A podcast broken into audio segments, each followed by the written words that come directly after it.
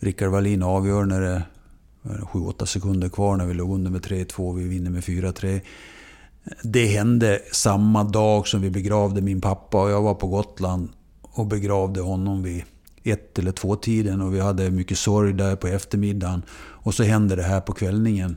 Det var så mycket vänster och höger på en och samma gång så att det är ju det mest fascinerande som har hänt. Nej, men någon, eh, snart är eh, råttet mogat alltså.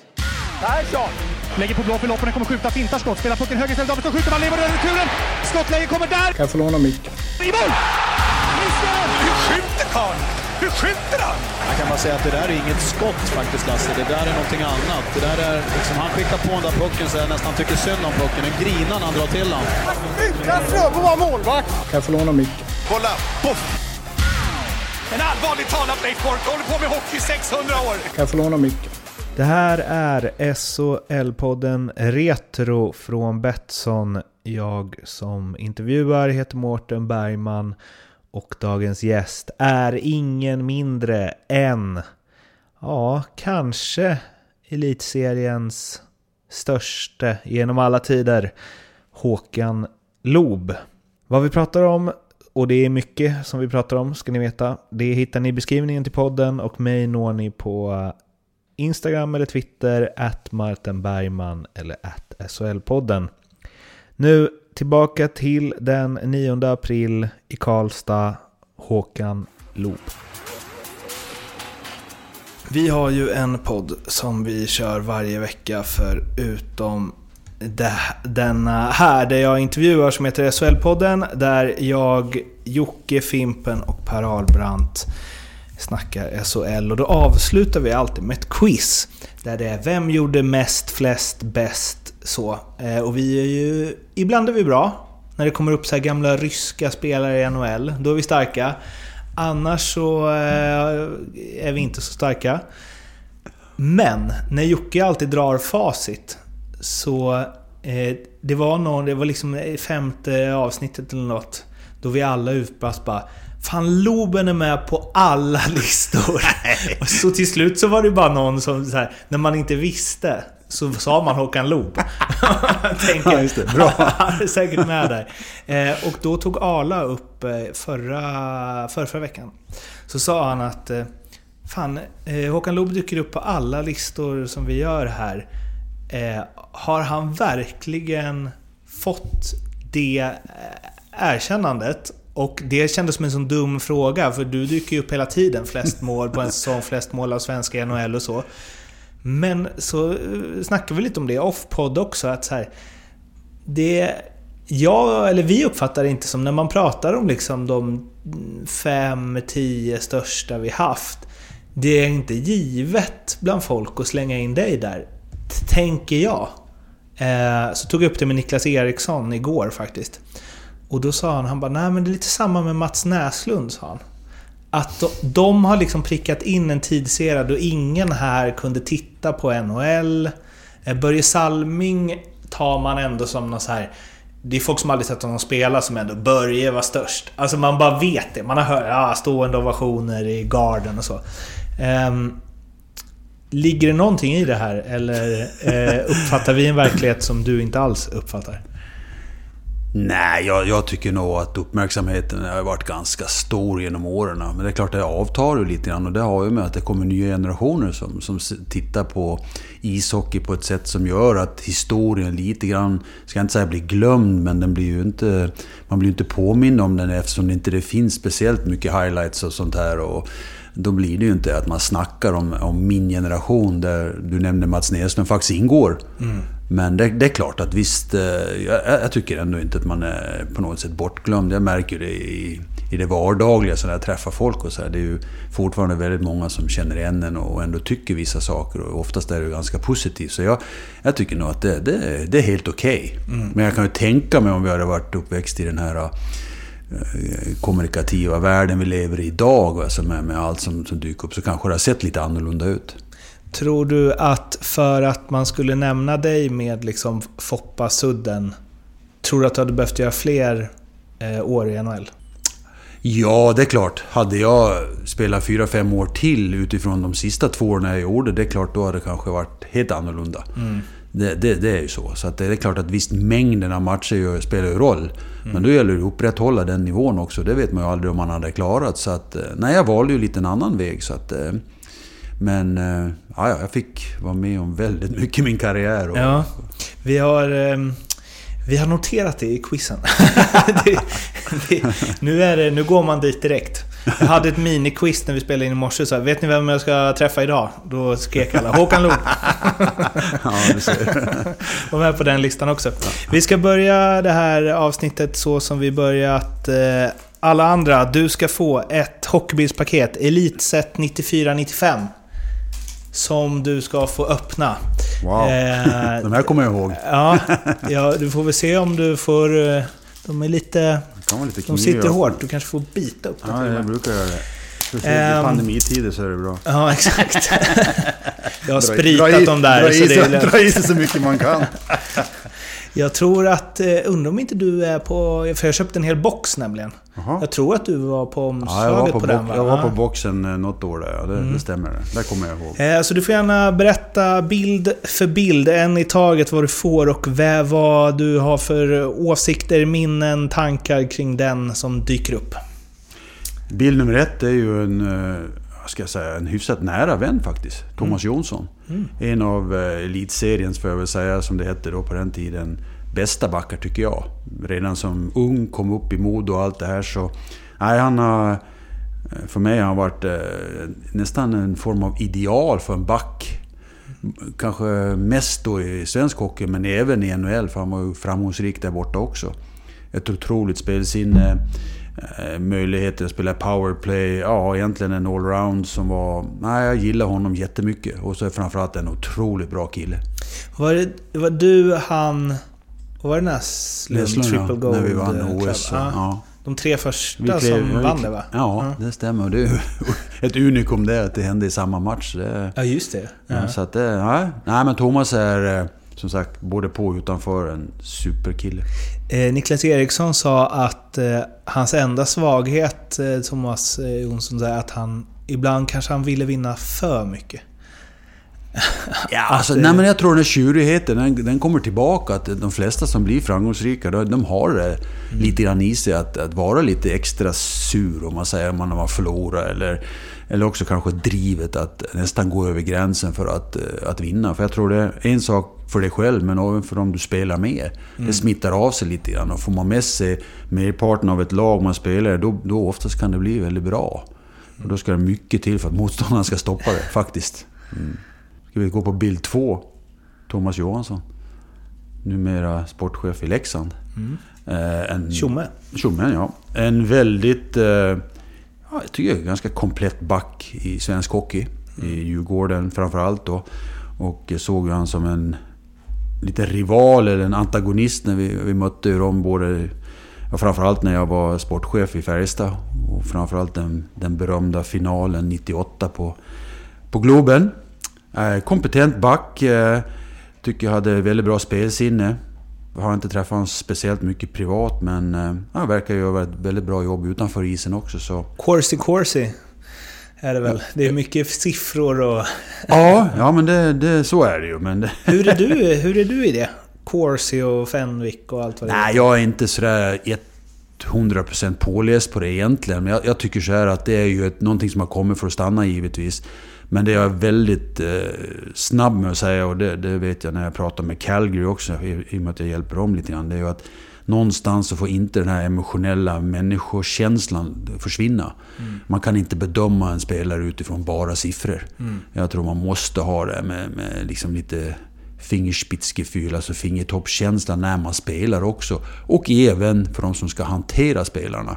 Så att det inte blir det där att ja, jag såg att du hade liksom minus tre där och du skapar inga chanser framåt där och så vidare. Då tror jag man, man blir lite för detaljrik och det kan, det kan skada mer än vad det hjälper. Så vad gäller att vara försiktig där. Nästa. Nu ska vi här. då. Ja, det är ju Anders Berglund. Jag känner inte igen honom först. Han är men- fan med i alla paket. Alltså han är ja, ja, ja. Han, vi hade ju faktiskt han i Färjestad också spela så att... Eh, nej men han är ju en liten timid grabb och, och tycker att det var en solid, ska jag säga... Någon som man skulle vilja ha i sitt lag i princip jämt. Kanske inte som nummer ett och två men...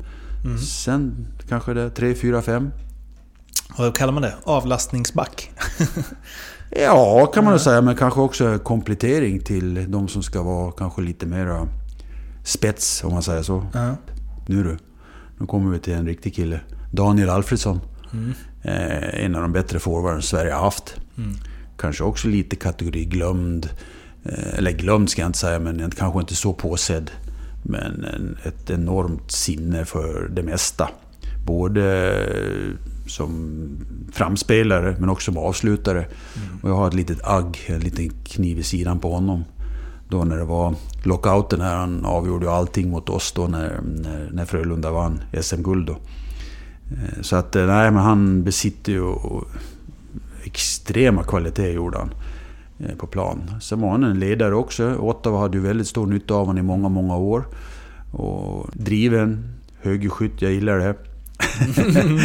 nej men sen har han ju, hade vansinnigt bra skott också. Så att, nej, det är en toppspelare, en toppforward i svensk hockey genom många år. Även fast vi kanske såg honom mest som en NHL-spelare. Eftersom han gjorde många år där. Och det är väl någonstans de som är samma generation som Foppa Sudden-Lidas. Det blir ju lätt att man... Ja, när skuggan är så stor är det ju svårt att inte hamna lite i den i alla fall. Liksom.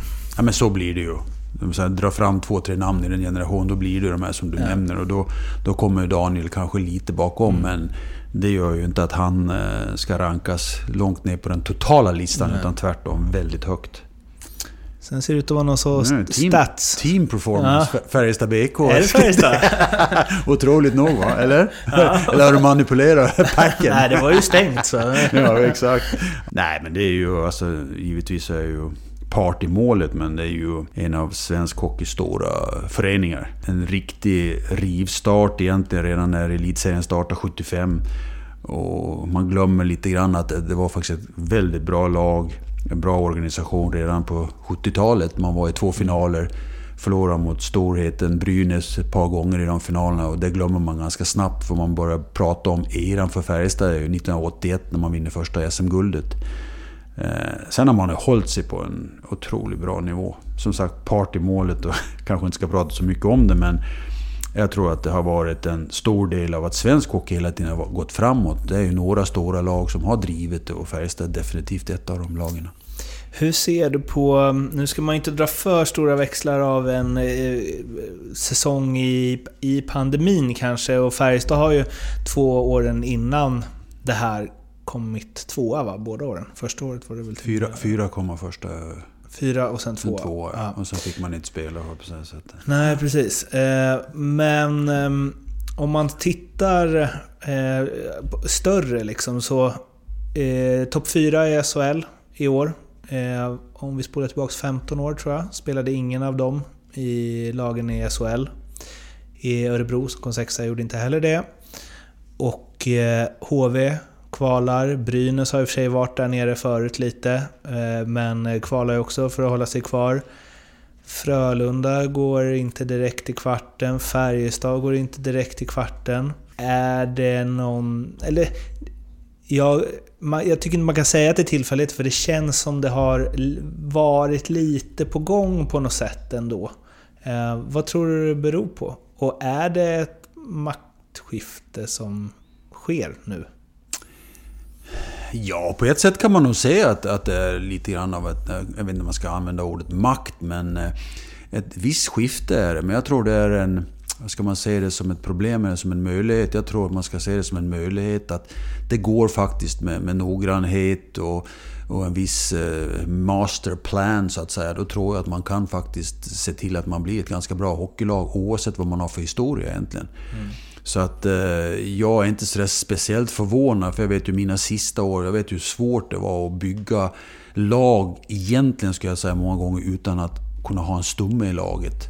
Eh, våran plan egentligen, ända sedan urminnes tider, har ju varit att man måste ha en ryggrad och sen att man kan komplettera med spelare som gör att man faktiskt blir ett ganska solitt lag. Men utan den här ryggraden, man ska kämpa med den varje år, då kan det bli lite fluktuerande. Det kan vara lite upp och det kan vara lite ner. Men det ger ju också de här som kommer som nya en jättemöjlighet att, att eh, resa sig ur, och, och får säga askan ibland, och bli riktigt bra. Örebro är ett exempel du tog upp som har gått i konkurs tror jag två eller tre gånger.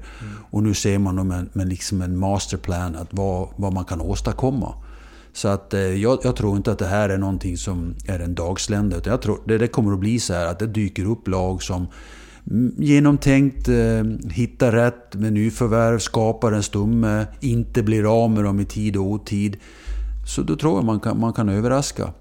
Eh, problemet, om man nu ska ändå se ett problem i saker och ting, det är så fort du börjar bli lite bra i något år, då, då blir du väldigt påsedd ifrån andra länder, andra lag givetvis. Och då, då börjar du tappa lite grann kanske de här som du såg som lite ryggradsspelare. Mm. Och grejen är ju den att det är inte bara de som är mellan 18 och 25 år, utan får du fram några som är riktigt bra, som är 28, 29, 30 år, så försvinner ju de också till de så kallade större ligorna, om man nu får kalla KL och i viss mån så ska man ha respekt för Schweiz och så här. Va? Så mm. att, eh, och det är därför jag säger att problem är en möjlighet. Jag frågar Rögle till exempel så tycker de att det är en jättemöjlighet. Mm.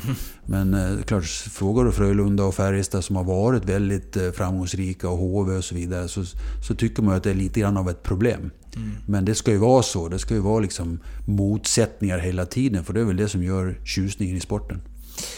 Är det bara, eller är det det här som är anledningen till att Färjestad inte spelat SM-final sedan 2014 va? Eh, eller är det någonting annat som de inte får ordning på liksom? Nej, men jag tror inte att det, det, det är ju givetvis inte bara en sak, utan det är ju det är massa parametrar här som, som ska falla på plats för att man ska bli framgångsrik. Men det är också så att om det inte faller på plats så kan man ju faktiskt hamna i limbo eller i, i ett vakuum. Och det är klart att då, är det som träder in då, det är ju historien. Mm. Alltså all framgång man har haft. Mm. Jag menar, har du aldrig haft framgång så är det ingen som förväntar sig någonting. Och kommer du sexa så är det, det är ganska bra, för då går du direkt till kvartsfinal. Mm. Eh, men för Färjestad hamna sexa, rätt sagt ska jag säga mellan fyra och eh, 14 då, eller 4 och 10, det, det, är inte bra på grund av historien. Mm. Det är ju ingen som nästan analyserar vad har man för lag och vad har man för generationsväxlingar och sånt där. Så att ibland är historien, eller ibland, oftast är den ju väldigt bra, för har du gjort någonting så, så kan ju ingen ta det ifrån det. Men det kan bli lite tyngder på, på axlarna som gör att det kan vara lite svårt att bära och en del som kommer väldigt nya, som inte har historiska perspektiv, de undrar vad det är frågan om. Att man är aldrig nöjd. Mm. Jag glömmer ju aldrig när Sanne Lindström sa när vi vann en kvartsfinal och gick till semi och han kom in och hade aldrig gjort det förut och bara jublade och skrek och alla andra bara tittade på honom och frågade liksom, vad, vad är det med det? Ja men vi gick ju till semi. Ja, men hade vi inte gjort det så hade vi blivit utskällda till, till max. Äh. Då började han ju förstå då att med historiens vingslag så då då måste man leva upp till någonting som är betydligt bättre än att bara vinna en kvartsfinal. Det är också intressant i en tid då, du säger det är liksom 4 14 inte godkänt, när det, det var väl någon säsong sen som det skilde fyra poäng mellan tvåan och åttan. Det är små, små, små marginaler mellan en bra och en dålig säsong alltså. Ja men så är det Tittar man om vi nu ska analysera Färjestad en väg till så har man alltså, tror jag, vunnit 16 eller 17 matcher i ordinarie tid i år. Och då kan man ju prata om att man har, jag tror det är en, eh, jag vet inte hur många oavgjorda matcher. Mm. Och då kan man prata om små marginaler. Om du hade vunnit alla dem så hade du mm. förmodligen vunnit serien. Mm. Så att det, det, är ju små marginaler. Men de små marginalerna det är ju oftast individer som avgör. Mm. Och har du inte tillräckligt bra individer, då kanske du inte vinner merparten av de matcherna. Utan då har du ett, ett sätt också att, att förlora. Så mm. att eh, det, det, är ju, det är därför jag säger att det är många parametrar som spelar in för att du ska vara riktigt, riktigt framgångsrik. Petri Limatainen, numera coach. Är lite grann Anders Berglund. Bra, fantastiskt eh, stabil back. Eh, I sina bästa stunder landslagsspelare. Eh, nej, gjorde det väldigt bra i Stockholm men sen sedermera hamnade jag i Malmö. Spelade där ett tag och sen som övergick och blev tränare. Oerhört skön kille. Mm. Otroligt härlig vid sidan om. Jag spelade lite grann med honom i landslaget. Då, så att, eh, också en sån här eh, som har gjort elitserien och SHL till någonting som är bra. MIF, vad känner du för dem? Med tanke på att de rensade Färjestad där. Ja, och nej, det, var, det, det var en del av det här vi har pratat om egentligen. Att möjligheter att, att göra någonting i en, i en eh, ska säga på, om det går lång tid tillbaka, faktiskt en hockeystad. Mm. Malmö var ju faktiskt hyfsade för många, många år sedan. Och till och med jag när jag spelade i Karlskrona mötte dem och, och de hade ambitioner hela tiden att bli bättre och bättre. Men ja, det var ju att givetvis tuff region och bli riktigt bra i fotbollen var så stark och allt det. Men sen kom ju den berömde Percy Nilsson och, och gick ju in och verkligen eh, med, egentligen med ekonomi visa att eh, det, det, skulle gå att köpa ihop eh, egentligen ett bra lag. Då tyckte man kanske inte att det var det bästa sättet alltid, men tittar du idag så är det ju precis så man använder det. Man använder ju ekonomin, starka ekonomier. Oftast kan ju ja, kan helt enkelt få ihop bra lag. Mm. Och det visar han ju då. Färjestad var ju onekligen riktigt, riktigt bra då man hade vunnit SM både 81 och 86 och, sedermera 88. Och det är klart, i den häraden där så, så var det lätt att, att man började titta där då. Mm. Och det är klart att det var ju på världens bästa målvakt med Pekka och Daniel Rydmark och Mats Lust och Peter Andersson och, och så vidare. Bosse Svanberg och de här. Så det är klart att det var ju en... Vi pratar om ryggrad. Det var ju nästan så att man köpte ju redan där en ryggrad mm. för att börja med. Sen la man ju till Sundström, Peter och man la ju till Mats Hallin och så vidare. så vidare. Så det är klart att det, Eh, det är klart, det var lite... Det var nog viktigt att de fick en framgång ganska snabbt när de gjorde de här satsningarna. För att de oftast var ju inte... Det var inte purunga spelare alla, mm. utan en del var ju sådär så att de har en viss erfarenhet och skulle ju på kort tid se till att de blev framgångsrika. Och det blev de. Mm. Eh, sen kan man ju... Jag tror det är två läger där. En del gillar det och en del gillar det absolut inte man pratar ju om, eh, Färjestad sa ju att de, har köpt Malmö, det är ju Färjestads B-lag. Så att, mm. men de blev ganska framgångsrika så det epitetet försvann nog ganska fort. Nej, men sen är det ju rivalitet blev det ju såklart. Och det, mm. Rivalitet är ju, det är väldigt viktigt att ha tycker jag. Så att det mm. driver ju också svenska ligan framåt. Mm. För är det liksom blasé och inga emotionella saker, då blir det ju inte riktigt på samma sätt. Så. Nej, det är bra att det blir såna uppstickare ibland. Mm. Sen har de ju kanske då med tanke på att de ändå fick en ny fantastiskt fin arena och allt det så kanske de inte har levt upp till det riktigt om man tittar på senare tid. Hur många har du kvar? Två? Har två ja. kvar. kommer de största, är... största antagonisterna genom, genom många, många år. Ja, det är så va? Ja, men det är klart att, som jag sa, rivalitet och så här, det byggdes ju upp två extremt starka varumärken i Färjestad och Djurgården. Ja. Mästa Mästarna och, och så vidare. Och Stockholms stolthet och allt. Så att det är klart att det var ju också för, för oss i Färjestad så var det ju också någonting att både se upp till och försöka att knacka ner.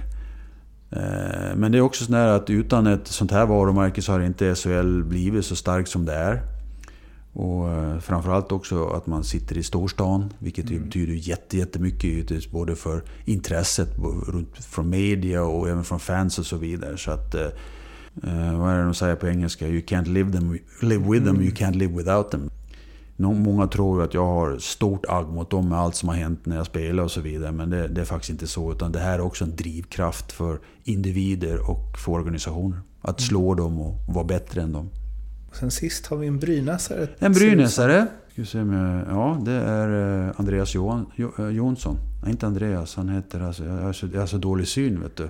Är det... Ja, men... Är inte Jonas? Jonas Jonsson. Är det det? Ja. Aha, okay. Ja, Det är ju en... Ja, han var ju en... Eh, jag tycker han var en grymt bra spelare. Håller ihop en kedja själv. Ja. Både när han var i Brynäs men, men, men sedermera Frölunda också. Nej, det, det är en sån där som man skulle älska att ha i sitt lag jämt. Han var väldigt bra. Jag har pratat med många som har spelat i samma kedja som honom, eller många, men några stycken. Mm. De säger att det liksom den mest underskattade centern svensk hockey haft. Typ. Så bra som man var och så mm. lite uppmärksamhet som man fått. Liksom. Påminner jättemycket om en som jag känner väldigt väl, Thomas Sten. Ja. Samma sak ungefär. Mm. Har otroligt mycket hockey i sig och klarar av att göra poäng och allt sånt där. Men framförallt hålla ihop saker och ting med, med sitt både uppoffrande spel och vägvinnande spel. Så att, eh, mm. Hade en fin kedja där. Modin, han och Dakell ja. för mig i Brynäs. Ja, och tittar på sammansättningen av den så förstår man det faktiskt. I alla fall så ja. efteråt. Att de kompletterar varandra bra. Eh, vad, får du för, eh, vad får du för känslor när du sitter och beläddrar i gamla hockeybilder med eh, gamla matchtröjor och från en tid då du, då du själv var aktiv? Nej, det är nog både och det får jag säga. Det är ju allt ifrån om man pratar rent bara matchtröjor och sånt där. Då var det ju allt ifrån att det var rent och fint och sen helt plötsligt blev det ju extremt mycket reklam och så vidare. Och sen har det varit lite designförändringar och det jag själv upplevde var ju jättestort. Färjestad bytte färger. Vi var lila och gula och vi var röda och vita och nu är det grönt och vitt. Så att det, det är klart att man letar kanske för mycket ibland. Det blir, tappar ju lite grann den här ska jag säga, ursprungstanken med saker och ting. Men det finns ju olika orsaker till det också. Mm. Och marknadsmässigt är ju störst och kommersiellt är ju, det, det, är ju det som gör att det blir så här. Och då är det ibland svårt att hålla emot och säga att nej, vi måste gå med, med ursprunget och vi ska hålla oss där så länge mm. vi någonsin bara kan. Va? Det, det är ibland tufft att stå emot. Och sen ekonomiska strömningarna de var ju att det var ju kanske lättare att få in pengar genom att sälja ut sig lite grann med tröjan än någonting annat innan mm. TV-avtal och sånt mm. kom på frågan. Så att, eh, och tittar man i NHL så där de har hållit fast väldigt mycket så händer det saker nu också. Mm. Eh, Premier League likadant, man ska börja spela med tredje tröjor, fjärde tröjor, mm. femte tröjor. Och det är en kommersiellt syfte och där mm. kanske man inte bara håller kvar vid det gamla. Men nu börjar man ju ändå skönja också att det börjar svänga tillbaka. Att man ska ha det här retro. Ja. Jag ser mitt, mitt lag Calgary, där har ju provat lite olika. Men man kommer ganska ofta tillbaka till den mm. ursprungströjan. Ja, den är ju ren och, och, fin och allt. Och där har vi ju definitivt ingen reklam och sånt där. Va? Men... Alltså det har ju varit, det har varit en snurr. Ibland mm. kan man se en bild, men vänta lite grann. Är det, är det verkligen Djurgården när de hade sina lila och gula? att, men jag tror det på något sätt det är lätt att sitta efteråt och säga varför gjorde vi det? Men man satt mitt i det så kan man nog förstå det om man var framförallt ledare och satt i management i ett, eh, ett elitserielag. Hur ofta tänker du tillbaka, liksom, ser några gamla klipp eller bläddrar i några gamla tidningsklipp? Eller vad liksom, hur ofta tänker du tillbaka på en så kallad svunnen tid? Nej, inte sådär jätte... Det är klart man blir påminn om man ser en bild och så här. Det som jag... När jag väl gör det någon gång sådär och blir påmind så här, det, Jag har ju jäkligt svårt att förstå att jag har varit med om det jag har varit med om. Mm. Och jag vet inte varför det är så, men, men liksom hela resan har ju varit ibland eh, nästan ofantligt svår att förstå. Allt ifrån när man stapplar omkring hemma på, på Slite på, på Gotland och, och vägen fram. Men det är väl det som de säger, det är inte målet utan det är ju resan som är det superintressanta. Och det är klart, hade man haft en videoblogg ifrån man var fem år så skulle det varit, nog varit ganska intressant att få titta hur, vad var det som hände egentligen och, och vilka var det på resan som man både medspelare, ledare, hur reagerar familjen och allt sånt där. Det, det har man ju liksom inte en aning om egentligen hur det var, i alla fall inte längre tid tillbaka. Men just den här svårt att förstå att om man är 1,76 lång och väger ingenting och kan ha varit med om det här och spela både internationellt men framförallt kanske borta i NHL. Det, det är svårt att ta in ibland. Mm. Uh, har det gått för lång tid eller kan du sakna det? Uh, ja, det har ju gått väldigt lång tid sen mm. om jag tittar på spelarkarriären då. Men, nej, det är klart att jag, jag, kan sakna, jag saknar nog inte matcherna i sig ute på isen. Så där, men just den här Eh, kamratskapen som många pratar om. Att det, det, är väldigt mycket drivande eftersom man spenderar ju x antal timmar och spelar matcher men ofantligt mycket mer tid tillsammans på träningar men framförallt resor och mm. med hotell och allt sånt här. Så att det, det kan man ibland sakna när man känner att man när man ju äldre man blir, blir ju tajtare och tajtare i vänkretsen så att säga. Då hade man ju människor som man liksom umgicks med otroligt mycket bredare. Så det kan man väl sakna ibland. Så. Men själva spelet, på något sätt så jag inser i alla fall att eh, var sak har sin tid. Mm. Och man visste ju också som hockeyspelare att den är begränsad. Mm. Kan man göra 10-12 år på, på hög nivå så det är ju, det är ju det är magiskt. Va? Och det är ju väldigt kort tid i ens liv. Minns du din eh, första match på elitnivå? Ja, jag gör faktiskt det. Och det är inte bara att jag blivit påmind om det, utan den var ju ganska speciell. Och, för mig är ju elitnivå, alltså riktigt hög elitnivå, det är ju när jag kom till Färjestad. Mm. Och då var Skellefteå borta. Mm. Skellefteå är en av de här som hade varit ja, riktigt framgångsrika givetvis då med SM-guld och så här tidigt, eller precis innan jag kom och sådär. Sen eh, få börja i Skellefteå och vi, vi vann ganska lätt där uppe mot en av seriens favoriter. Så det, den glömmer man ju inte. Och så fick jag dessutom göra mål i min första match. Så att, eh, ja, det, det, det kommer man ihåg. Var du nervös? Alltid. Jag var alltid eh, nervös inför varje match. Och det var på, Okej. För mig var det bara på ett, egentligen ett positivt sätt.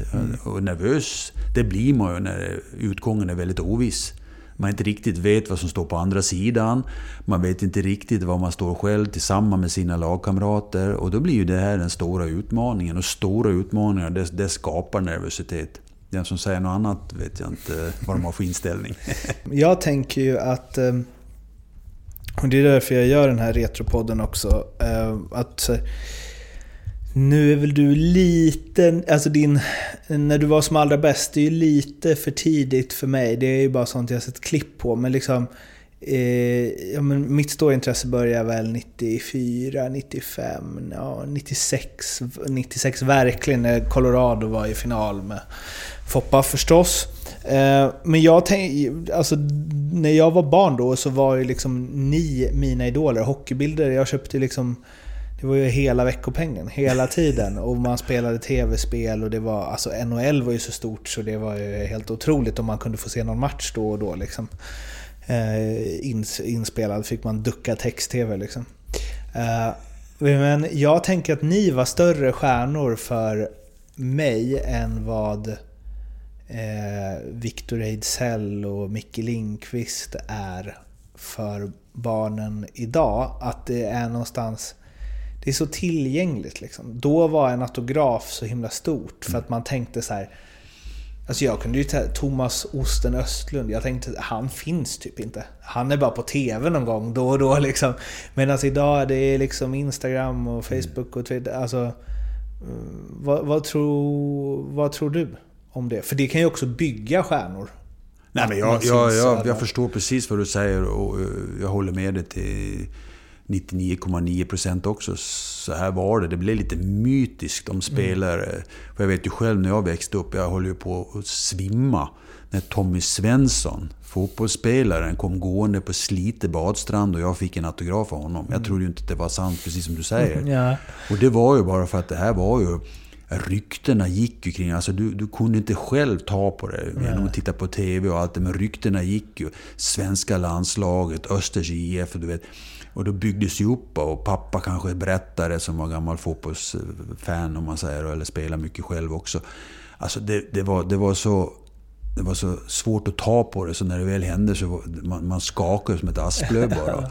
Och jag, jag har alltid nämnt att det var den första idoldyrkan och den största upplevelsen jag har varit med om. Det var att få den här autografen. Och det är klart, visst när man hade mina barn kommit på stranden och, och Petri Limatain hade kommit så tror jag inte det har varit på samma sätt. Och ändå är det ett tag tillbaka. Men det blir lite annorlunda, det blir det. Så att eh, på gott och ont givetvis. Det, det ska väl vara lite mer att kunna ta på det idag och det är det det bygger på lite grann. Men då var det svårt att, att liksom ta på saker och ting som nästan inte fanns. Då- Nej, och det, det var ju, inget kunde dokumenteras med mobilkameror och liksom... Eh, Jon- Jonas Höglund intervjuade igår. Han berättade att han hade fått din klubba när han hade varit liten. Eh, vad heter de? Eh, 500... Sherwood. Ja, exakt. Signerad. Och han bara, det var ju så stort så det, det är liksom... Han bara, det finns ju inget barn idag som blir så glad över att få en klubba som jag blev av det liksom. Ja, idag, idag kan du inte ens ge bort en klubba för att den kostar för mycket.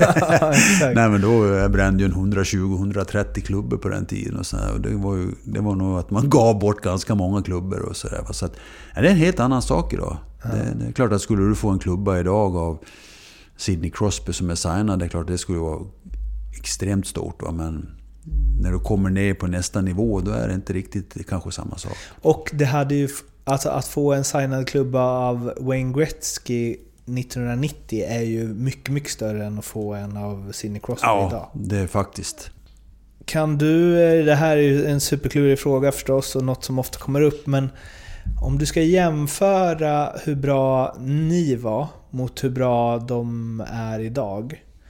Eh, för man kan ju alltid säga, det finns ju många spelare som har spelat över liksom 15-20 år och man anpassar sig ju med utvecklingen. Eh, Jonas Höglund sa det igår, det tyckte jag var jävligt... Nej, Niklas Eriksson sa det igår. Eh, jag tyckte det var jäkligt smart. Han sa, egentligen är man ju alltid som bäst i slutet av sin karriär. Alltså kanske inte i förhållande till alla andra. Men om man har spelat i 17 år så är ju förmodligen hockeyn mycket bättre när man lägger av än när man började. Liksom. Ja, men man kan ju inte vara bättre än vad hockeyn är. Nej, exakt. Alltså det kan man ju vara. Man kan ju vara bäst där hockeyn är. Ja, exakt. Men, och det är därför det är så svårt att jämföra ja. eror då. Många frågar mig om du jämförde med... Ja, men jag sa att jag, jag tror att vi som spelar, om jag nu ska ta eh, alltså slutet på eh, 80-talet. Vi, vi som var bra då, vi var ju bäst. Men vi, var, vi är ju absolut inte bättre hockeyspelare än de som spelar idag som är bäst. Så, att, så det går liksom inte att förstå, förstå vad jag menar. Är, var du bäst 80 och bäst 2000 så var du ju... kunde inte vara annat än Nej, bäst bäst, då nej. och bäst senare. Men det går inte att jämföra med varandra. Utan jag kan bara säga så här att vi var lika bra då som de bästa är idag. Hur, eh, jag intervjuade Kurre Hamrin i, i Florens för några år sedan faktiskt. Var hemma hos han och hans fru åt middag. Eh, och då pratade vi om det. stort. Ja, det var helt... Eh, alltså du kan ju tänka dig, min pappa tyckte att det var ganska stort. Han bara va? Kurre Hamrin? Och jag... eh, men det var ju... Ja, men han pratade mycket om det. Det går liksom inte... Han bara, för mig är ju Gunnar Nordahl större än Zlatan. Men det är klart, Gunnar Nordahl hade ju inte platsat i division 3 idag, det förstår jag med, sa han. Men han vann skytt, i Serie A's skytteliga sex gånger. Det är ju helt enormt liksom. Men vi har ju redan nämnt det här med, med, med påseddheten. Den var ju inte alls på samma sätt världsligt. Det var säkert jättestort i Italien. Men, och, så, och det är klart att visst, det spre- spreds ju upp till Sverige också. Att det är ju ett unikum att kunna göra det. Men det var ju inte alls det här påtagliga att allting liksom samlades på hög och har använts liksom om och om, och om igen. Det är, det är nästan svårt att hitta bilder från den tiden. Alltså rörliga bilder och så här. Va? Så att, men nej, det, det, de här hjältarna då, de var gigantiska. Fast kanske lite mera regionalt, lokalt än vad man idag är. Zlatan är ju ett världsnamn om man säger så. Men ehm, vad tror du, eller hur... Ehm, alltså hur levde ni då? Hur professionellt var det? Hur... Eh, för man har hört eh, både det, alltså man, man kan intervjua Rob Burakovsky och tänka hur fan kunde du spela på högsta nivå i, i Sverige? Han kanske hade spelat på ännu högre nivå om man hade skött sig, men liksom... Eh, var det stor skillnad mot idag? För idag uppfattar jag ganska många som... Det är lite robot. Jo, Alla gör alltså- samma lika mycket. Men för, för mig är det liksom vad som har hänt är egentligen att om man går tillbaka tillräckligt lång tid tillbaka, då, då gick det ju att bli ganska bra på ren talang. Men det gick också att bli ganska bra på ren råstyrka eller hårt arbete eller vältränad och så vidare. Där har du egentligen minimerat så att du bara har det ena. Vilket gör ju att, att det är mer komplext idag. Och det är kanske också därför man upplever att, att alla ser likadana ut. Det är väldigt få som sticker ut. Det finns andra anledningar också. Va? Men, men där är det så att du behöver ha en viss talang och så måste du jobba stenhårt. Och jag vet ju när jag, vet när jag kom till Färjestad, vi, vi tränade sommarträning tre gånger i veckan. och då sprang vi kanske milen två av de tre. Det här med ren rå alltså styrka och genomtänkt styrketräning, den var ju liksom... Den var väldigt, väldigt minimal egentligen. Och där förstår man ju då också att när man sedermera börjar träna lite mer, då var ju potentialen att bli fysiskt bättre, den var ju enorm. Men idag kan du ju glömma att den är enorm. Det är klart att visst kan du göra annorlunda saker, men alla tränar ju så otroligt mycket idag. Så att, eh, så, nej, men det, det är ju det här som gör det både komplext och intressant. Alltså. Så att, och det där tror jag är anledningen också varför vi ser... Du, du nämnde att det ser ut som robotar, va? men det är att många tränar ju lika. Största talangerna försvinner ifrån SHL. Vilket gör att många ser ju likadana ut. Så är det. Fan vad det måste varit... Eh, alltså om det var någon på den tiden som tränade så här enormt mycket. Vad man måste kunnat komma... För som du säger, man eh, kunde komma långt på talang. Men om man var någon som tränade sommarträning sju gånger i veckan. Så måste man ju kunna kommit enormt långt på det. Men det var ingen som förstod att man skulle träna sju gånger. Och tränade du sju gånger, då, var du, då, då, då trodde de att du skulle brinna upp. Va? Då, då nästan stoppade de ju folk från att träna. Och sen var det en del till, men jag vet ju själv när jag kom fram i Karlskrona. Jag spelade ju fotboll på, på sommaren. Alltså, i, jag ska inte säga på jättehög nivå, va? men det var ju så här liksom att... Ja, då såg man ju det som en fysisk träning, så att säga. va. Jag vet, Timo Lahtinen var egentligen den första som, när han kom till Karlskrona, som började tala om att vi måste tränas i ishockey specifikt. Och då blev det ju lite mer, så, här, så jag blev nästan förvånad att vi inte tränade ännu mer i Färjestad än vad kanske Karlskrona gjorde under Timo Lahtinens eh, ansvar. Då. Så att, eh, nej men det var nog ingen riktigt som förstod att Tommy Sandlin var ju på det där lite grann, som han var borta i Ryssland och studerade vad de gjorde för att vara så överlägsna som de var. Va? Och där börjar ju sakta men säkert slå över till att fysiken måste bli mycket, mycket bättre för att orka spela på en viss nivå. Och när du klarar det så kan du ju också utöka hur du spelar, alltså med skridskoåkning, forechecking, allt det här som, som sedermera blev vedertaget. Att de som kunde åka mera och vara lite, eh, ska säga, lite mer fysiska, de kunde också vinna matcher på grund av det. Då. Varför la du av? Ja, det var, vi, vi, vi touchade ju redan här med, med den fysiska statusen. Jag, jag kände att... Eh, jag, mitt sista år var ju inte på något sätt dåligt statistiskt sett. Och det var nog många som undrade, men jag, jag kände bara att om jag... Det var ju snarare ganska bra. Ja. För det var 49 poäng på 40 matcher, ni som inte har koll på det. Ja. Nej, men jag kände bara rent krasst att jag, jag orkar inte riktigt eh, underkasta mig den träningen som då hade börjat bli inte de här tre gånger i veckan utan det skulle vara fem, sex, sju, åtta gånger. Och då kände jag direkt att det skulle bli ett svek både mot mig och mina lagkamrater att egentligen fortsätta. Eh, med det sagt menar jag inte att jag hade fallit ihop och inte presterat alls men förväntningarna hade ju ändå varit både på mig själv och från andra att, att prestera på en hög nivå. Jag kände bara rent mentalt att det, det klarar inte jag. Eh, 36 år gammal. Det, det kändes som att perfekt, det var bra timing. Och jag har väl varit lite konstig kanske. Jag har nästan bestämt mig 6-12 månader i förväg att jag sk- skulle göra sista året. Jag sa det när jag åkte hem från Calgary och alla tyckte jag var dum i huvudet. Och även när jag la av ifrån elitserien SHL då att nej, det, det är bra nu. Jag kände att jag, var, jag hade åstadkommit precis så mycket som jag hade kanske inte ens hoppat på, en till med ännu mer. Men, men framförallt just den där underkastelsen av hård träning och, och vara rättvis. Framförallt mot mina medspelare. Det är en fin eh, jävla poängliga det året alltså. Eh, Du kom ju trea i den totala. Keskinen, Nurminen, eh, du, Höglund, Burakovsky, Skuggan, Christian Roth och Jiří Kursera, Espen Knut, Knutsen, Marco Jantonen, Fredrik Benberg, Jonas Bergqvist. Det är, det är fina namn alltså. Det Ja, och det, det kan jag väl säga så här, och det är väl det man tycker och känner lite grann, att det fanns ju de här eh, lite mytomspunna spelarna som var verkligen i SHL då.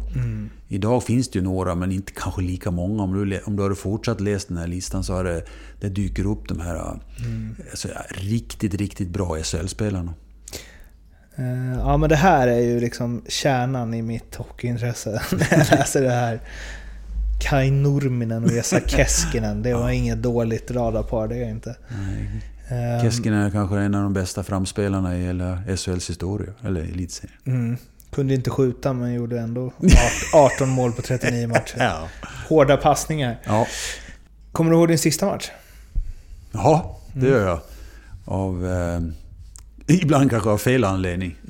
För jag håller på kanske nästan, nästan förstöra Thomas Holmströms karriär. Jag avslutade med matchstraff. Jag höll på att hugga av han benet ja, i ren frustration. Vi mötte ju Luleå i slutspelet då och det stod väl och vägde lite grann. Det var väl en semifinal där. Och, och vi, då, då när det hände så låg vi under ganska stort. Jag tror 5-6-2 och sånt där. Så att, eh, ja, därför kommer jag ihåg den. Var det i slutet av matchen? Ja, det var det. Var, men då visste du att det var slut? Ja. Och sen det komiska var att jag blev eh, uppringd av någon, om det var från förbundet, som sa att om du spelar nästa år ska du veta att du får en avstängning. Jag behöver inte oroa för jag ska aldrig mer spela. Eh, Det är lite som Zidane i VM-finalen. Ja, just det. Men eh, gjorde, vad, när du liksom... eh, När du hade gjort din sista match, var det nå vemod eller var kändes det bara helt rätt? Ja, Jag tror nog att det kändes helt rätt eftersom jag hade bestämt mig så otroligt tidigt då. Och det vi pratar just om det här, vem är det som bestämmer när man ska sluta? Är det du själv eller är det någon annan? Och jag tror ibland om någon, om man spelar den här matchen, den sista matchen om man nu får kalla det för, och själv inte kände att det var sista matchen, men någon annan kom och sa det. Vi vill inte förlänga med det och ingen annan vill ha det heller. Det är klart att då blir det ju, tror jag, lite depressivt då. Men för mig var det liksom den enda depressiva i det där, det var väl att vi inte vann SM-guld. För det är klart, går, lämnar man som jag lämnade Calgary när vi vunnit Stanley Cup. Hade man lämnat som svensk mästare så hade ju allting bara varit halleluja. Mm. Men, eh, nej, men jag, jag, var, jag var färdig så att säga. Så att, eh, det kändes nog ganska skönt att bara kliva av. Sen får man ju säga det tog tre dagar så var jag ju sportchef i Färjestad. Så att jag, Ja, gick det, var- så fort? Ja, det gick alltså? oerhört fort. Jag vet inte vi spelade den där sista matchen på torsdagen. På måndag var jag ju sportchef. Aha, okej. Det var inte så mycket tid att gå och fundera på vad du skulle göra direkt? Nej, vi hade, det fanns ju en plan i Färjestad. Att, eh, man, man ställde ju frågan till mig hur, huruvida... För jag hade ju jobbat i klubben lite som marknadsförare medan jag spelade. Och sen kom ju frågan ganska, jag ska inte säga tidigt, men ändå Conny Evensson aviserade ju att sluta och sådär. Så att... Eh, ja, jag hade väl mer eller mindre sagt ja då, så att det var ju bara de här dagarna. Och sen var det bara administrativt, håller på att säga, men management som gällde. Men det fanns inget idé då att här, helt plötsligt vara i samma organisation men, in, men inte på isen? Du saknar aldrig att åka in på isen eller så här när det blev Nej. spännande? Inget? Nej, nej det, sen kanske man hade sina stunder, men det, det glömmer man snabbt kanske. Men nej, jag kände bara att nu... Och jag var lite inne på det här med att vara i, management eller ledning då Mm. ganska tidigt. Jag tyckte det skulle vara super, super intressant och just då höll ju också Elitserien som, som det hette, bekant, som bekant hette då, var ju lite i, sin linda för den här utvecklingen. Vi hade ju inte ens professionella spelare. Alltså vi pratar alltså om 96.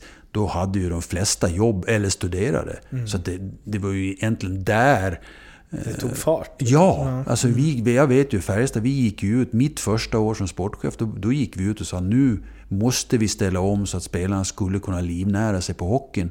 Och få träna på, på eh, rätt tider. Inte träna liksom fem på kvällen efter man har varit i skolan eller på ett hårt jobb. Så vi strävade ju verkligen och jobbade med våra partners och att vi skulle kunna ha mycket fans på matcherna så vi kunde ha en ekonomi som, som drev spelarna till att bli professionella. Helt annan sorts träning. Vi var inne på det här med den fysiska träningen och allting.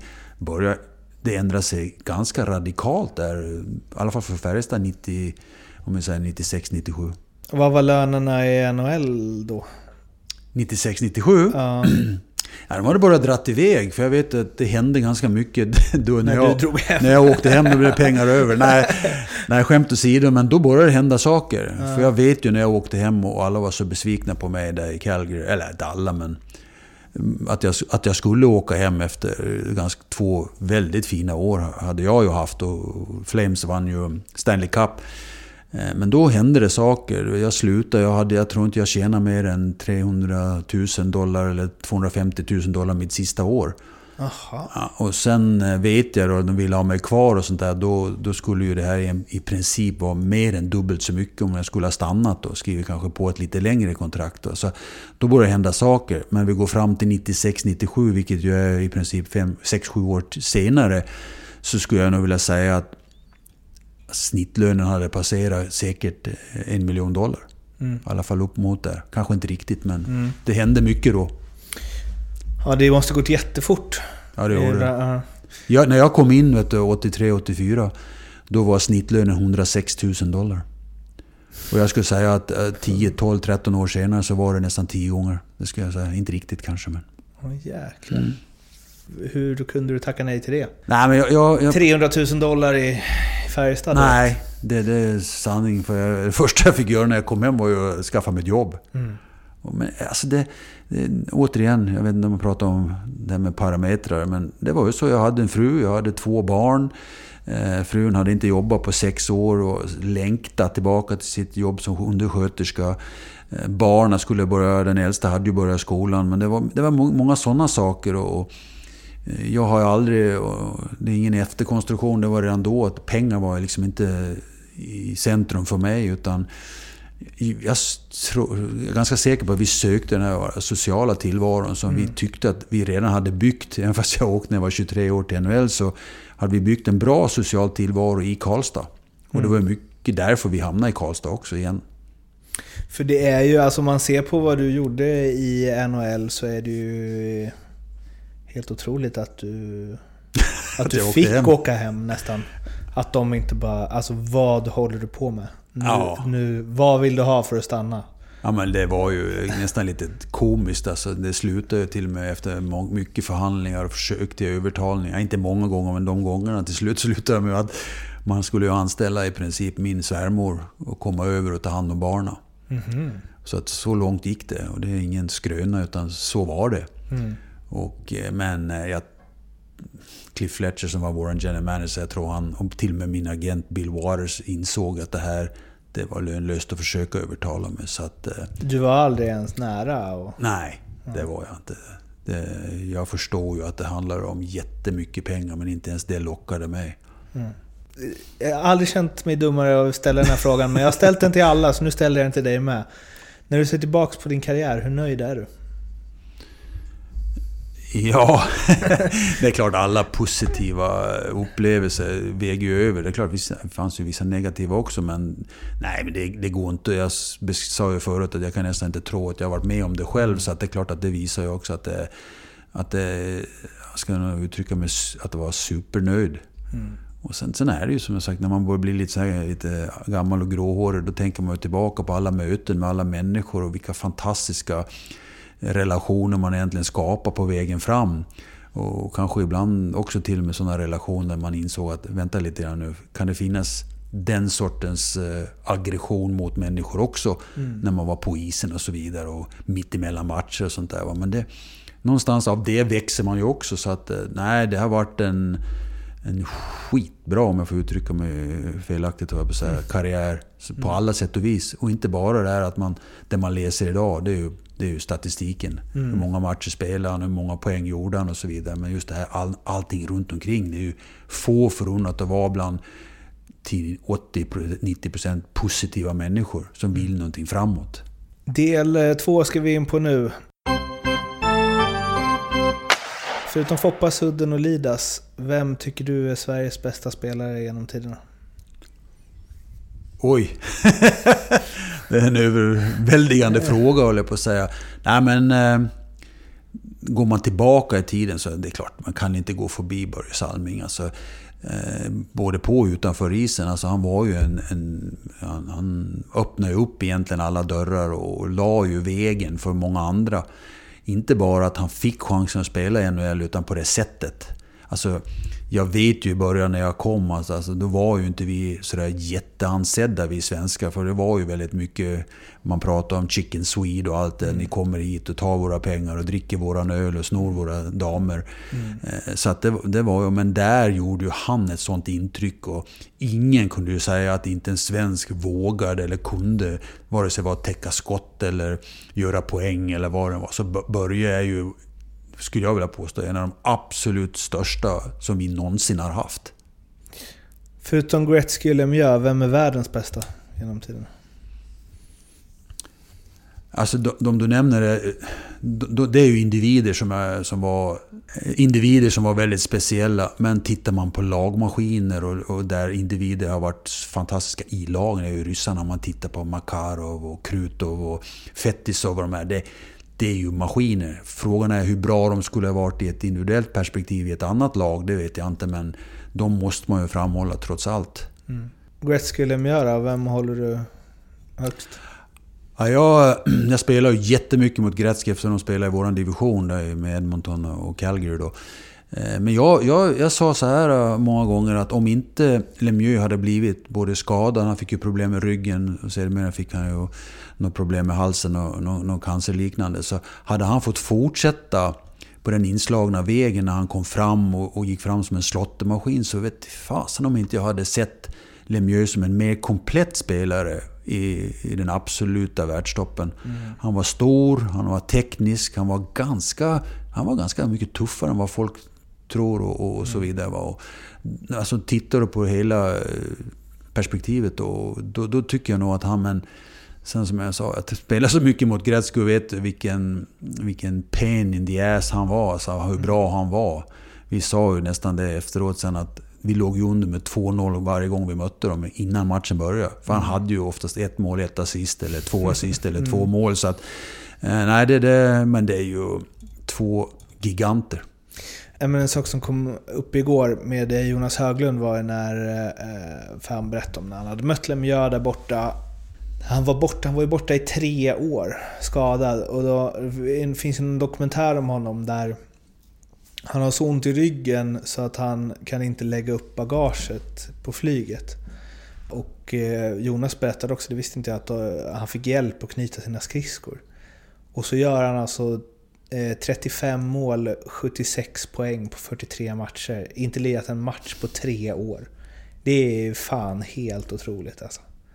Ja, men det, där, alltså, det är det jag menar. Alltså, hade han fått fortsätta helt skadefri och så, här, ja. så då, då vet jag fasen om inte han hade eh, liksom varit där i Gretzkys poängskörd och allt ja. där. Och som jag sa, en, en, en, en ska jag säga, enforcer, alltså, alltså en, ja. en på, kunde spela på så många sätt då, och ändå ha den där grymma tekniken och allt det här. Och, och troligtvis, nu spelar jag aldrig med honom och inte sådär jättemycket mot honom, just det här ledarskapssättet också. Så att, eh, mm. Men det är någonstans att det där, det spelar ingen roll hur mycket du... Alltså om du är överlägset bäst i ligan när du kommer tillbaks efter att inte letat en match på tre år och har så ont i ryggen att du knappt kan röra dig. Det är ju genetik. Ja, det är klart att det ligger. Ja, men, ja, men ärligt talat, det finns ju då i ryggraden och i hjärnbalken någonstans att det här, det här är jag. Och då spelar du inte på någon annan nivå än på den högsta. Utan det är i så fall om det, det smärtar så att du kan inte röra dig på ett visst sätt åt vänster eller höger. Så blir det oerhört begränsat, ungefär som en golfspelare. Var det, mm. Har du ont i en hand så är det ju jäkligt svårt hur mycket det du har i hjärnbalken och i ryggraden. Då. Men, Ja, det, det är ju fascinerande. Och bara man tittar och dissekerar honom så, så kommer man ganska snabbt fram till att det, det var en... För, för mig är det lite grann så här. Det, det är Gretzky och det är Lemieux. Sen är det lite tomrum och sen kommer ju alla de här Bobby Orr och även Ovechkin och de här som mm. spelar idag och Crosby och de här. Men det, det är för mig ett glapp som har ju ändå sett... Nu såg jag inte Bobby Orr sådär jättemycket men jag har förstått hur bra han var. Och det, det, är liksom, det är olika nivåer på saker och ting. Jag kommer ihåg när vi spelade in eh, Fimpens Resa med dig så sa du Eh, vilket eh, fick mig att känna att åh det här måste vi prata mer om någon gång. Men att, eh, att det bara är snickesnack det här att man inte fick röra Gretzky. Mm. Att ni ni gjorde inget annat än att Nej, försöka sätta dit honom? Det var ju det var den sortens taktik när man mötte Edmonton. Det var inte hur de spelade, utan det var hur Gretzky spelade. Nej, jag, jag, det där, eh, som jag sa, det köpte jag inte en sekund. Att det här med att man låter honom vara, det är marknadsföring av ligan. Utan nej, vi, vi gjorde ju vad som helst. Vi försökte ju komma ikapp Edmonton i Calgary när jag kom, för då var Edmonton överlägsna. Då. Men, men vi gjorde allt. Vi hade allt ifrån att de tuffa skulle ge sig på honom, men då visste man att då hade ju de, Dave Semenko och några till ja. som, som de fick gå igenom innan de nådde fram till honom. De sa till oss som var ungefär i samma storlek som att vi skulle jaga honom. Alltså det var inte mycket som hjälpte. Ja, det ska jag inte säga för vi, vi började ju faktiskt hantera Edmonton som lag och även Gretzky i viss mån då, eftersom vi faktiskt slog ut dem och, och, mm. några gånger sådär, eller någon gång sådär. Så att, eh, men nej, att inte vi skulle få röra honom. nu. Jag, jag vet jag rappade han själv så många gånger så att... man skäms nästan idag. Eller många gånger, men några gånger och sådär. Så att... Eh, nej, han var enastående. Så att. Eh. Vad var det som gjorde att han liksom... Ja men hans statistiktalare, den är ju helt överlägsen. Och man kan ju säga mycket som helst, mindre skydd och hej och hå. Men det var ju ingen annan som gjorde så mycket poäng. Vad var det han hade liksom? Nej, men man pratar ju om de här extra sinnena om man säger Man pratar om det här med att no, no, när 99% åkte åt vänster, då åkte han åt höger. Ja, nog fasen kom pucken där. Mm. Uh, han, han, han var... Alltså, han uppfann ju saker också. Det här med spel bakom mål. Hur, mm. hur fantastisk han var där och lägga fram mackor. Flippassen måste ju vara han som startade en gång i tiden mm. när han kom fram och sådär. Så att, nej, men han var... Han var låg i framkant av utvecklingen hela tiden. Var, han var ju inte den snabbaste och han var ju inte den, definitivt den tuffaste eller något. Men han hade det här som gjorde att han alltid hade tid. Man, kan inte, man kan inte förstå, varje gång han fick pucken på något sätt så, så hade han en, hur mycket tid som helst. Och hade han inte tid, då, då visade det sig att det var ju Jari Kurri eller någon annan helt vidöppen som slog in i tom bur. Så att, ja, men det är väl de här extra, extra sinnet, skulle jag väl kanske kalla det för då, som gjorde att han, han var lite granna... När vi såg i 2D, då såg han i 3D.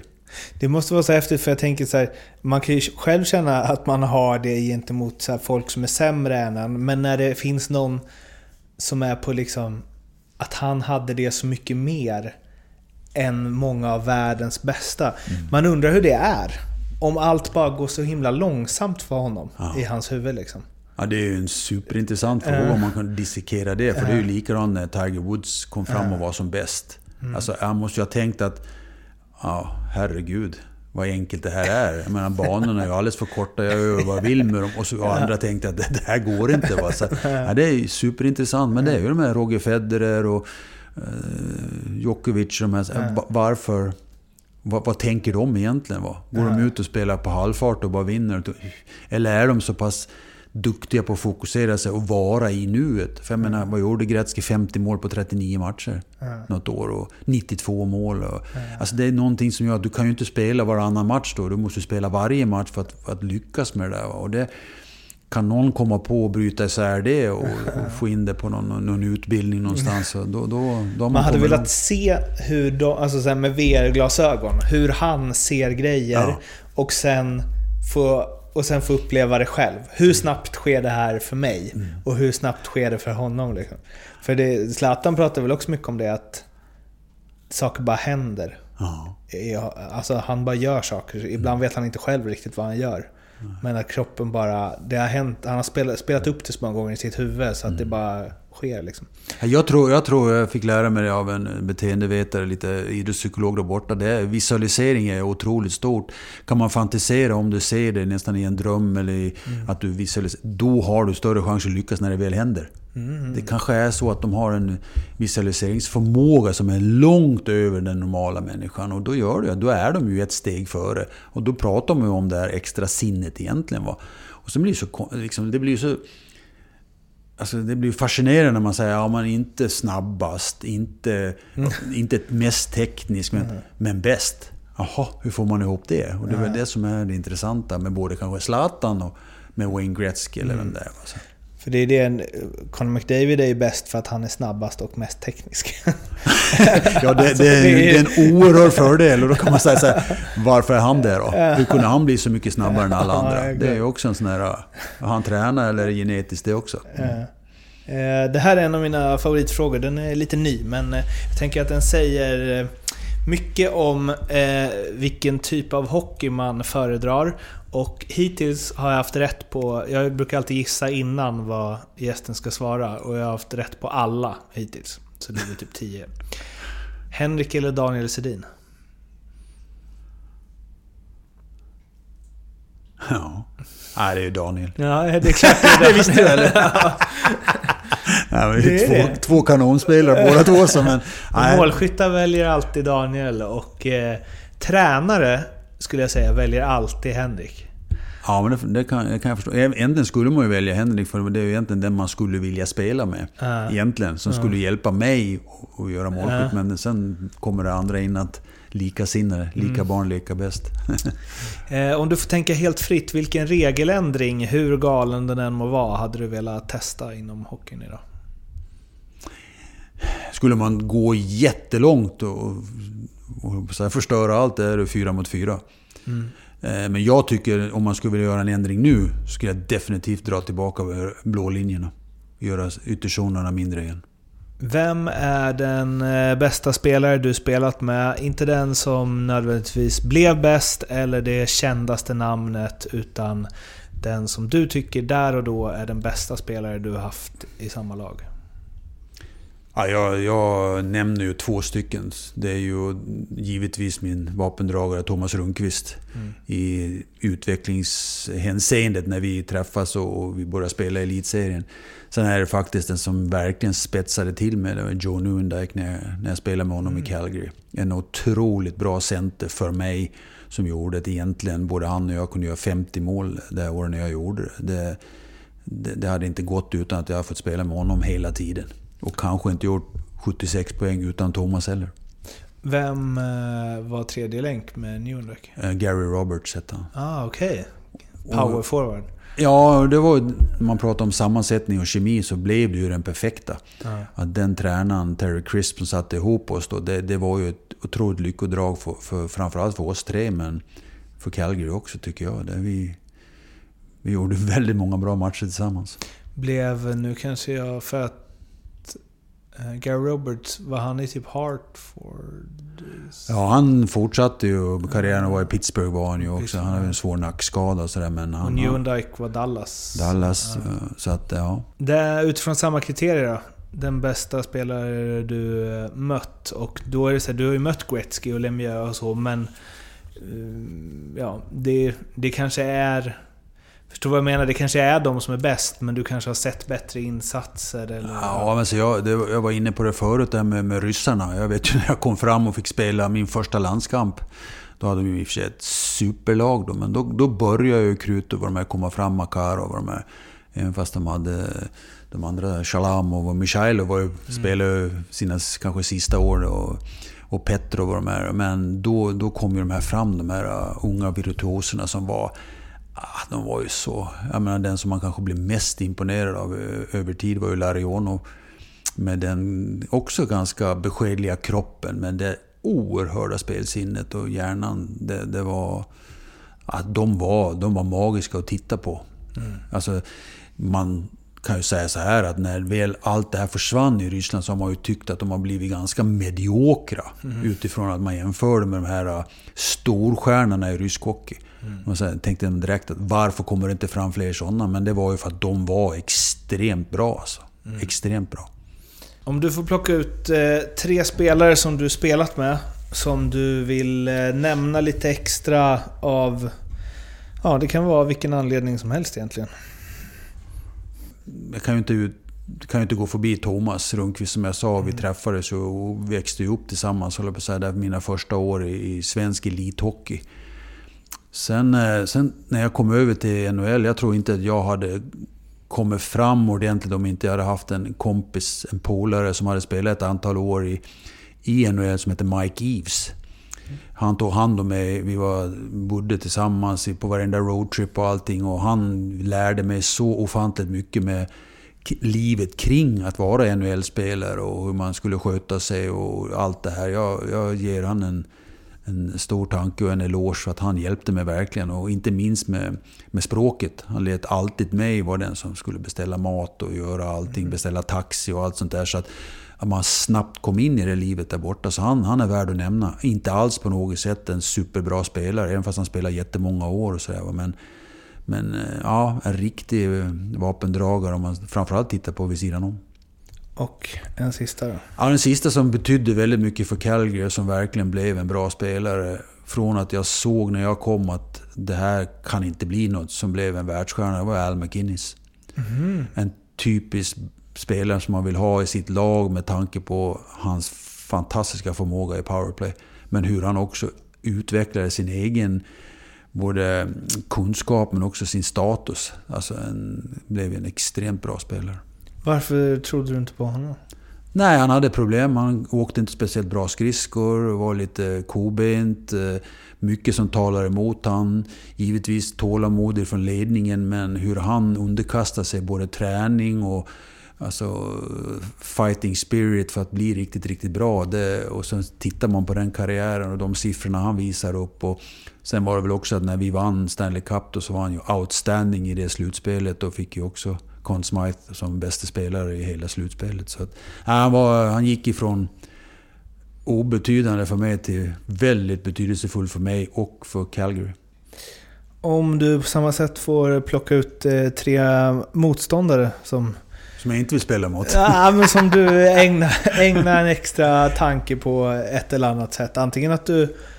Det kan ju vara både att du ogillar att möta dem eller att du gillar att möta dem. Det, alltså, man har ju haft en sån extrem respekt för jättemånga spelare, både kanske i Sverige och även när jag var där borta i, i Nordamerika och även kanske in på den inter, internationella scenen. Men eh, det är väldigt svårt. Det är klart, det är alltid lätt att bara landa igen i Gretzky och Lemieux och eh, och allt vad de nu har hetat genom alla åren. Så att eh, det är, det är som sagt svårt att, att, att nämna någon. Den jag skulle kunna säga som jag tyckte var helt otrolig, både en ska säga, hemsk att möta men ändå eh, liksom visa uppskattning och respekt för, det var faktiskt Grant Fuhr, målvakt i Edmonton. Som var, eh, han var sanslös var han. De vann ju jätte, jättemycket matcher men så började man titta på statistiken så hade de 45 skott mot sig varje gång. Så att de i princip spelade de bara offensivt och så var han defensiven. De hade ju Paul Coffey som var i princip forward istället för back och det gjorde han blev väldigt utelämnad. Han, han, han, det vet jag, vi pratar jättemycket om honom, alltså hur, hur han egentligen stod upp då. Matcherna blev ju 7-4 och 6-3 när de spelade väldigt mycket men att han släppte 3-4 mål det var ju på grund av att han hade ju 45-50 skott nästan varje kväll. Eh, hade du någon så här back som du gruffade extra mycket med eller? Nej, inte gruffa alls, men jag, var, jag hade ju otrolig respekt för de här som var lite större. Och det vet, Rangers hade en som hette Barry Beck till Det är exempel. ett bra namn också. Man, ja, det är ett väldigt bra namn. Men där ville man inte komma in i hörnet precis före honom, för då visste man att då, då har man lite krämpor när man åker ur därifrån. Så att det gäller. Sen hade jag en som man kunde ha respekt för, som förmodligen skulle varit avstängd eh, 60 av 80 matcher varje år. Det är Scott Stevens. För han plockade eh, spelarna en efter en i mittzonen när han klev upp och blev lite låg, lite Lulin-karaktär som var i Västerås. Och, eh, jag vet, den pratar vi jättemycket om, att när du får pucken i mittzon så måste du ha koll på var han är någonstans. Annars är det, kan det vara godnatt. Ja, han hade inte gjort många matcher i dagens SHL. Nej. Scott Stevens. Nej. Ehm, fanns det något lag, någon spelare, någon tränare eller så som du gillade att eh, möta lite extra? Det, det som fick mig faktiskt att tycka att det var, kanske var lite extra roligt, det var faktiskt, hör och häpna, Philadelphia Flyers. Jag vet inte varför. Väldigt mycket framgång mot dem. Och eh, jag vet att när vi var i Philadelphia, det var, liksom lite, det var lite mytiskt där. Att det var ganska tufft genom åren. Det var inte alls kanske på samma sätt när jag spelade, men åren innan och allt det Broad Street Bullies och allt vad de då kallades för. Och våran tränare Terry Crisp var ju en del av det laget och han talade ju alltid om hur hur tufft det var att åka till Philadelphia och där hände det grejer till, i stup. Man fick verkligen vara beredd. Och det, det blev ett lag som jag... Jag, jag vet inte, men... Ja, jag gillar att spela mot dem. Både hemma och borta. Den bästa tränare du haft? Nej, det är nog utan tvekan, eh, fast han kanske inte har testats på NHL-nivå, så är Conny Evensson med, med tanke på hans eh, sätt att hantera människor både i med och motgång men också i utvecklingshänseende. Eh, alla, inte alla, men många vill ha hört talas om Connys svarta ögon. Men oerhört balanserade svarta ögon och visste precis tajmingen när det var och var håller på att säga aggressiv. Det var väl Conny inte riktigt någon gång kanske, men just att när det gällde att ställa krav och när det gällde att kanske vara lite mera en, en i gänget, en kompis så att säga. Han hade, det heter ju så fint, i och ur. Och när han var i, då var han ju liksom kompis med alla som han egentligen skulle leda. Men när han klev ur och skulle vara ledare, då var han ju extremt stark. Och där vann han mycket respekt. Och med respekten så kom det otroligt bra relation från spelarna med honom. Så att man, för, man förstår när det var allvar och man förstår när det var lite lättja och lite glädje. Och det är en konst. För kan man få den variabeln så då tror jag man kommer långt som ledare. Och det, det, det är därför jag tycker han är... Jag har inte haft så jättemånga men, men eh, jag tycker Conny var enastående. Alla som har haft honom, som har varit med i den här podden, har sagt honom. Och alla har sagt exakt samma sak som du sa. Mm. Ja, ja, att han det- tog människor fantastiskt. Liksom. Det verifierar ju egentligen vad han var för en sorts ledare. Och människa. Har du haft någon sämsta tränare? Och då tänker jag väl lite på det här som har kommit upp de senaste åren med Babcock och allt vad det varit. Liksom. när det varit... Ja, men när man har behandlat människor och spelare dåligt liksom. Ah, Det är ju så här att säga sämsta tränaren, det är ju, vad, vad menar man med det? Att han inte lärde en någonting eller att han var elak? Eller, så det, nej, jag, jag har egentligen inte haft någon sån här jättedåliga tränare. Sen har jag haft mindre alltså, så här, bra tränare och som har kanske då påverkat det här med just det här med utvecklingen lite mindre då. Men då har han ju haft andra fördelar. Jag menar, vi hade ju två helt skilda tränare i Calgary till exempel. Vi hade Bob Johnson som var eh, teachers coach. Han lärde alltså oss jättemycket. Fast vi spelade i NHL så var han väldigt eh, utbildande. Sen fick ju Terry Crisp komma in som var nästan tvärtom. Han kanske inte lärde oss sådär jättemycket men hade en otroligt engagemang och energi och, och målinriktning som gjorde att vi egentligen vann Stanley Cup kanske då. Men också var ganska tuff att ha att göra med och liksom köpa allt han sa och gjorde. Det var väldigt mycket F-ord och den sorten då. Men någonstans så tror jag att vårt lag behövde från Bobs fantastiska utvecklande stil till någon som var lite mer spetsig och lite kanske lite, man får kalla det för elakare. Men du har aldrig varit med om att någon hackat på dig upprepat liksom? Eller? så? Absolut. Men inte, men inte alls på det sättet så att jag skulle tycka att det var förnedrande. Eller, utan, Nej. men det är klart som bara den att man har fått sig ett, spark i arslet eller ett knytnäveslag på axeln och sagt att nu får du fan med skärpa dig och, och blivit kallad för saker och ting som osynlig och eh, inför alla och så vidare. Det, det är ju, men någonstans så, det där mentalt så var man ju ganska förberedd på att spelar du på högsta nivå så händer det grejer. Men för den skull så var det ingenting som spårade ur och att det blev några konstigheter, att någon föll ihop och tyckte att det var för jäkligt. Det kan ju inte jag svara för alla andra, men för mig var det att det behövdes ibland en push. Din bästa kompis från hockeyn? Eller bästa kompisar? Jag vill nog påstå som har varit över väldigt lång tid är Tommy Samuelsson. Vi har ju varit eh, tillsammans jätte, jättemycket och bott nära varandra och umgåtts jättemycket vid sidan om och sådär. Så att enda stunden man tappade honom lite grann har varit när han varit i utlandet och varit tränare. Eller när jag var borta givetvis. Men på somrarna så, så har vi umgåtts väldigt, väldigt mycket. Så det är nog min absoluta, inte bara han utan hela hans familj. Väldigt nära oss. Om du får, och här finns det att välja på eh, förstås. Men om du får lyfta fram tre minnen från karriären. Eh, jag säger inte största eller bästa eller något, utan bara de, tre starkaste kanske. Starkaste och godaste? Nej, alltså det är klart att det är Montreal Forum, sjätte matchen när vi vinner Stanley Cup. Det går ju inte att komma förbi. Utan det var ju en kamp som jag var med om under sex år för att bygga upp och hamna där. Ganska många matcher fram till det, det stadiet och den, det ögonblicket är ju magiskt. Vi var ju faktiskt det enda laget som har vunnit Stanley Cup i just Montreal Forum. Och sen la de ju ner det, så att det var, bara det gör ju händelsen extra, extra, extra stor. Va? Sen är det givetvis eh, OS-guldet som blev ju en speciell resa för mig, men framförallt var det ju görstort.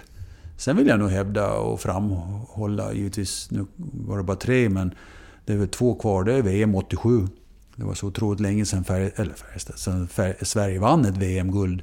25 år eller vad det var. Så att det är stort som bara den för svensk hockey om inte annat, men även för mig personligen. Och sen är det ju SM-guldet med Färjestad som blev ju alltså, väg, eller banbrytande ska jag säga, för, den, för vår organisation.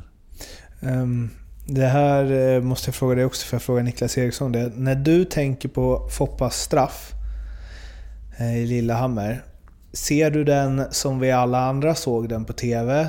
Eller ser du den som du såg den på plats? Nej, jag... jag Kommer du ihåg? Nej, så, ja, du jag, ja, jag kommer ihåg att jag stirrade, stirrade på... Jag ska inte säga som någon annan som vände bort huvudet för att se om man skulle lyckas eller inte. Jag stirrade rakt på det och jag... Ska man säga så här, jag, jag kände någonstans, jag vet inte om det är en efterkonstruktion, men att den här killen han har så mycket framför sig så han har inga problem med det här. Han har inga nerver, han kan göra precis vad, vad som helst. Det här är ju inte bara med den här straffen, det har han gjort om och om igen ute på plan. eh, I, i första matchen i OS eller i SHL eller i elitserien eller vad som helst. Så han, och jag sa ju det efteråt, det var värre för oss som var på väg att sluta våra karriärer och framförallt i landslag och lägga en straff. Det, var ingen mer, det fanns inga mer chanser. Vi skulle inte spela något mer OS. Men för honom var det säkert både ett, och två, och tre och fyra OS framför honom. Så att, Nej, jag, jag, jag, är, jag är egentligen inte ett dugg förvånad. Jag, jag tror att jag såg det nog mer som att skulle det inte bli mål så skulle Corey Hirsch få göra en fantastisk räddning. Mm.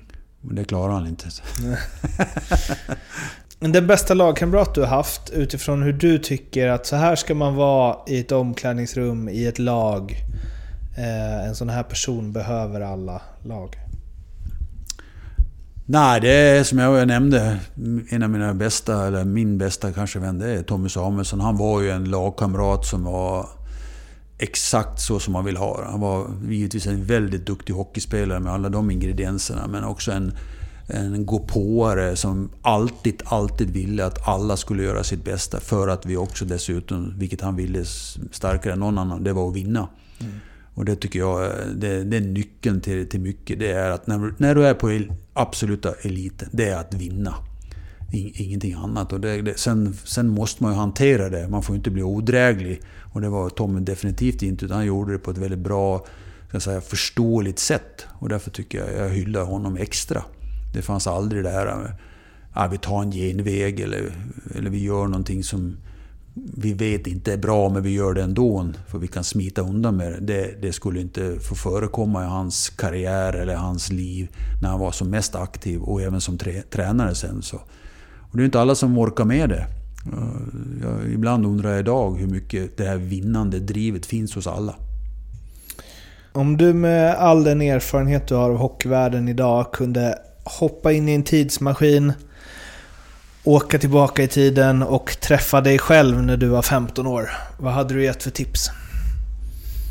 Nej men tipset hade nog varit att, att fortsätta ha så roligt som du har. Eh, sen skulle jag givetvis kunna säga så här att eh, det finns en värld som är längre bort än Gotland som är en möjlighet.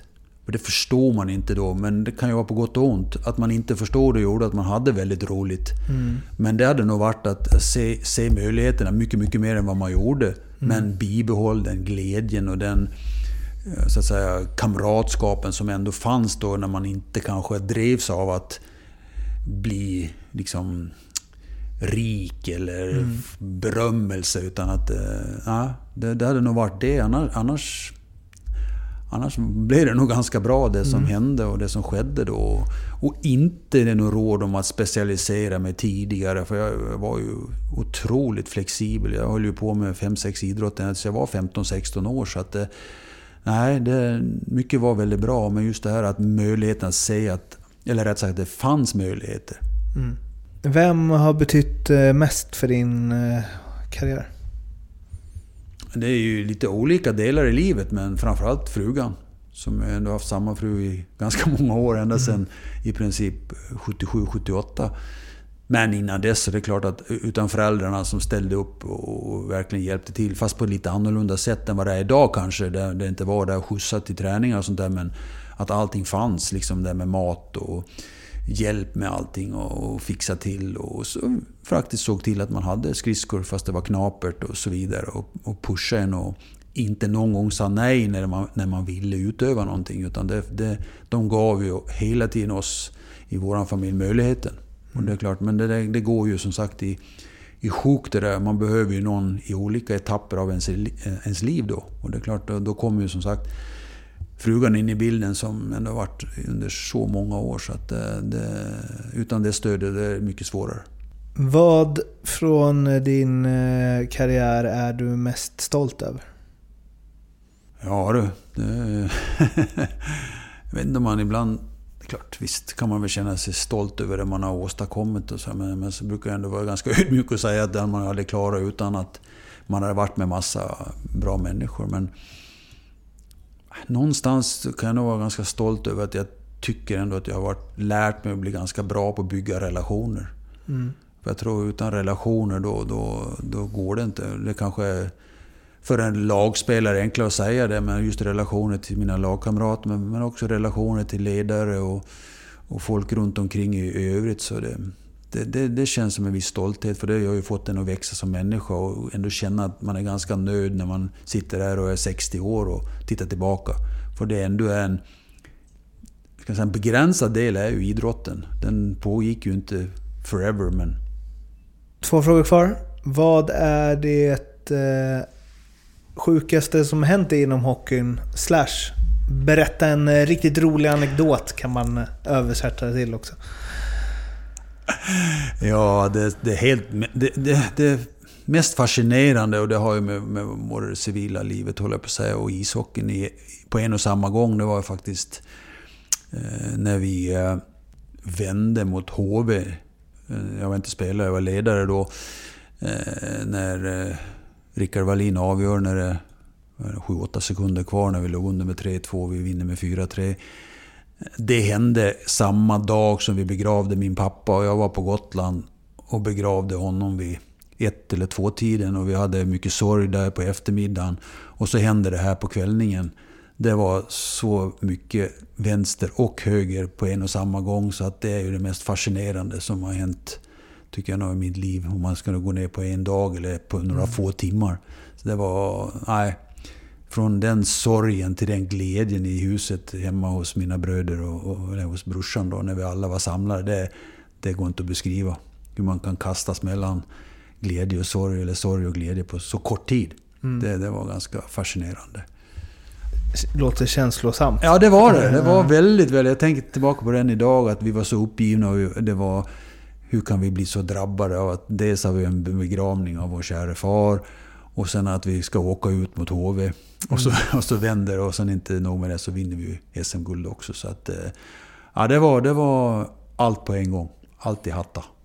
Livet på en dag. Ja, faktiskt. I alla fall som man har levt det själv. ja. liksom med familjen och med ishockeyn. Ja. Det var det verkligen. Och ändå spelar man inte en gång.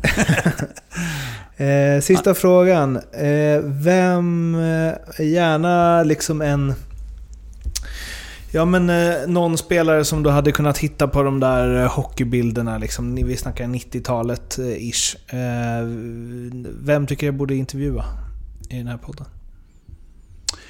Uh, jag vet vad jag tycker? Jag tycker faktiskt, jag, har inte hört så mycket om honom. Jag vet ju att han har efter sin karriär som spelare och allting varit lite tränare. Så. Micke Johansson, Djurgården.